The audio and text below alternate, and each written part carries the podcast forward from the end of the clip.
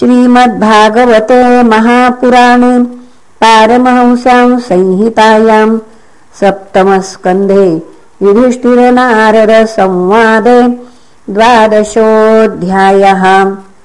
नारद उवाच ब्रह्मचारी गुरुकुले वसन्दान्तो गुरोर्हितम्। आचरन् दासवन्नीचो गुरौ सुदृढसौहृदः सायम् प्रातरुपासीत गुरुवग्न्यर्कसुरोत्तमान् उभे सन्धे च यद्वाग् जपन् ब्रह्मसमाहितः।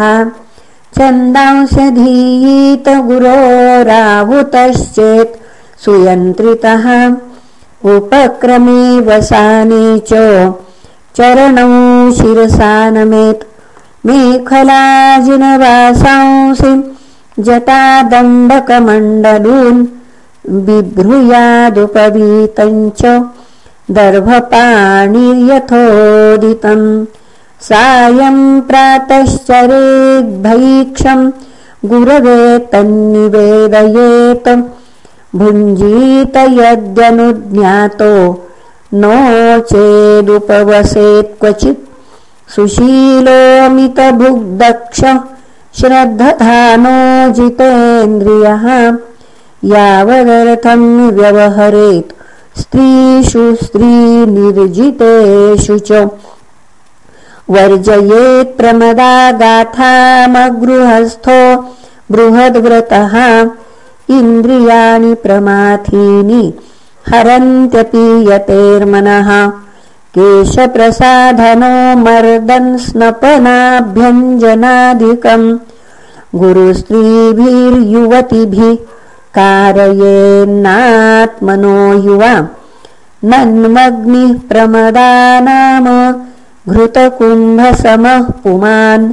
सुतामपि रहो जह्यादन्यदा। यावदर्थकृत् कल्पयित्वात्मना यावदाभासमिदमीश्वरः। गयितं तावन्न विरमेत् ततो ह्यस्य विपर्ययः। एतत् सर्वं गृहस्थस्य समाम्नातं यतेरपि। गुरुवृत्तिर्विकल्पेन गृहस्थस्यर्तुगामिनः अञ्जनाभ्यञ्जनो मर्दस्त्र्यवलेखामिषं मधु। स्रग्गन्धलेपालङ्कारांस्त्यजेत् युर्ये धृतव्रताः। उषित्वैवं गुरुकुले द्विजोऽधीत्यावबुद्ध च त्रयीं साङ्गोपनिषदम् यावदर्थं यथा बलम् दत्त्वा वरमनुज्ञातो। गुरोः कामं यदीश्वरः। गृहं वनं वा प्रविशेत् प्रव्रजेत्तत्र वा वसेत् अग्नौ गुरावात्मनि च सर्वभूतेष्वधोक्षजम् भूतैः स्वधामभिः पश्येदप्रविष्टम् प्रविष्टवत् एवंविधो ब्रह्मचारी वानप्रस्थो यतिर्गृही चरन्विन्दितविज्ञानः परम् ब्रह्मादिगच्छति। वानप्रस्थस्य वक्ष्यामि नियमान् मुनिसम्मतान् यानातिष्ठन् मुनिर्गच्छेत् ऋषिलोकमिहाञ्जसाम् न कृष्टपच्चमश्नीयादकृष्टम् चाप्यकालतः अग्निपक्वमथामम् वा अर्कपक्वमुताहरेत् वन्यैश्चरूपुरोडाशान् निर्वपेत्कालचोरितान् लब्धे नवे नवेन्नाद्ये पुराणन्तु परित्यजेत् अग्न्यर्थमेव शरणमुटजं वादृकान्दराम् श्रयेथिमवाव्यग्निवर्षार्कात् पशतात् स्वयम्। केशरोमनखश्मश्रुमलानि जटिलो दधत् कमण्डलल्वजिने दण्डवल्कलाग्निपरिच्छदान् चरेद्वने द्वादशाब्दानष्टौ वा चतुरो मुनिः द्वावेकं वा यथा बुद्धिर्न विपद्येत् कृच्छ्रतुः।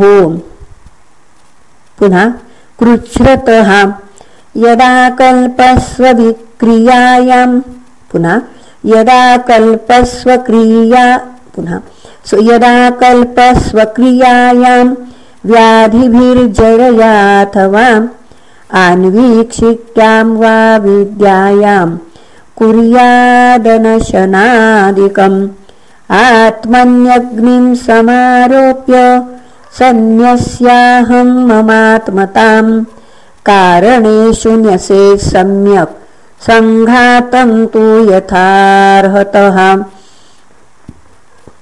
खेखानि वायौ निःश्वासांस्तेजस्यूष्माणमात्मवान्। आप्स्वसृक्ष्वेश्म पूयानि शिक्षितौ शेषं यथोद्भवम्। वाचमग्नौ स वक्तव्यामिन्द्रे शिल्पं करावपि पदानि गत्या वयसि रत्योपस्थं प्रजापतौ मृत्युपायुं विसर्गञ्च यथास्थानं विनिर्दिशेत्।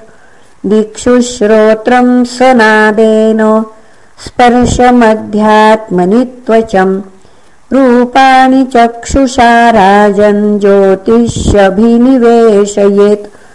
अप्सु प्रचेतसा जिह्वां घ्रेयैर्घ्राणम् क्षितौ यन्यसेत् मनो मनोरथैश्चन्द्रे बुद्धिं बोध्यैः कवौ परे कर्माण्यध्यात्मना रुद्रे यदहं ममता क्रियां सत्त्वेन चित्तं क्षेत्रज्ञे गुणैर्वैकारिकं परे अप्सु क्षितिमपो ज्योतिष्यदो वायो नभस्यमुम् कूटस्थे तच्च महती तदव्यक्तेऽक्षरे च तत्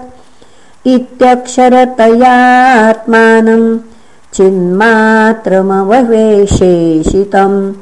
ज्ञात्वा द्वयोऽथ विरमेत् दग्धयो निरिवानलहाम् इति श्रीमद्भागवते महापुराणे पारमहंस्यां संहितायां सप्तमस्कन्धे युधिष्ठिरनारदसंवादे सदाचारनिर्णयो नाम द्वादशोऽध्यायः। हरये नमः हरये नमः हरये नमः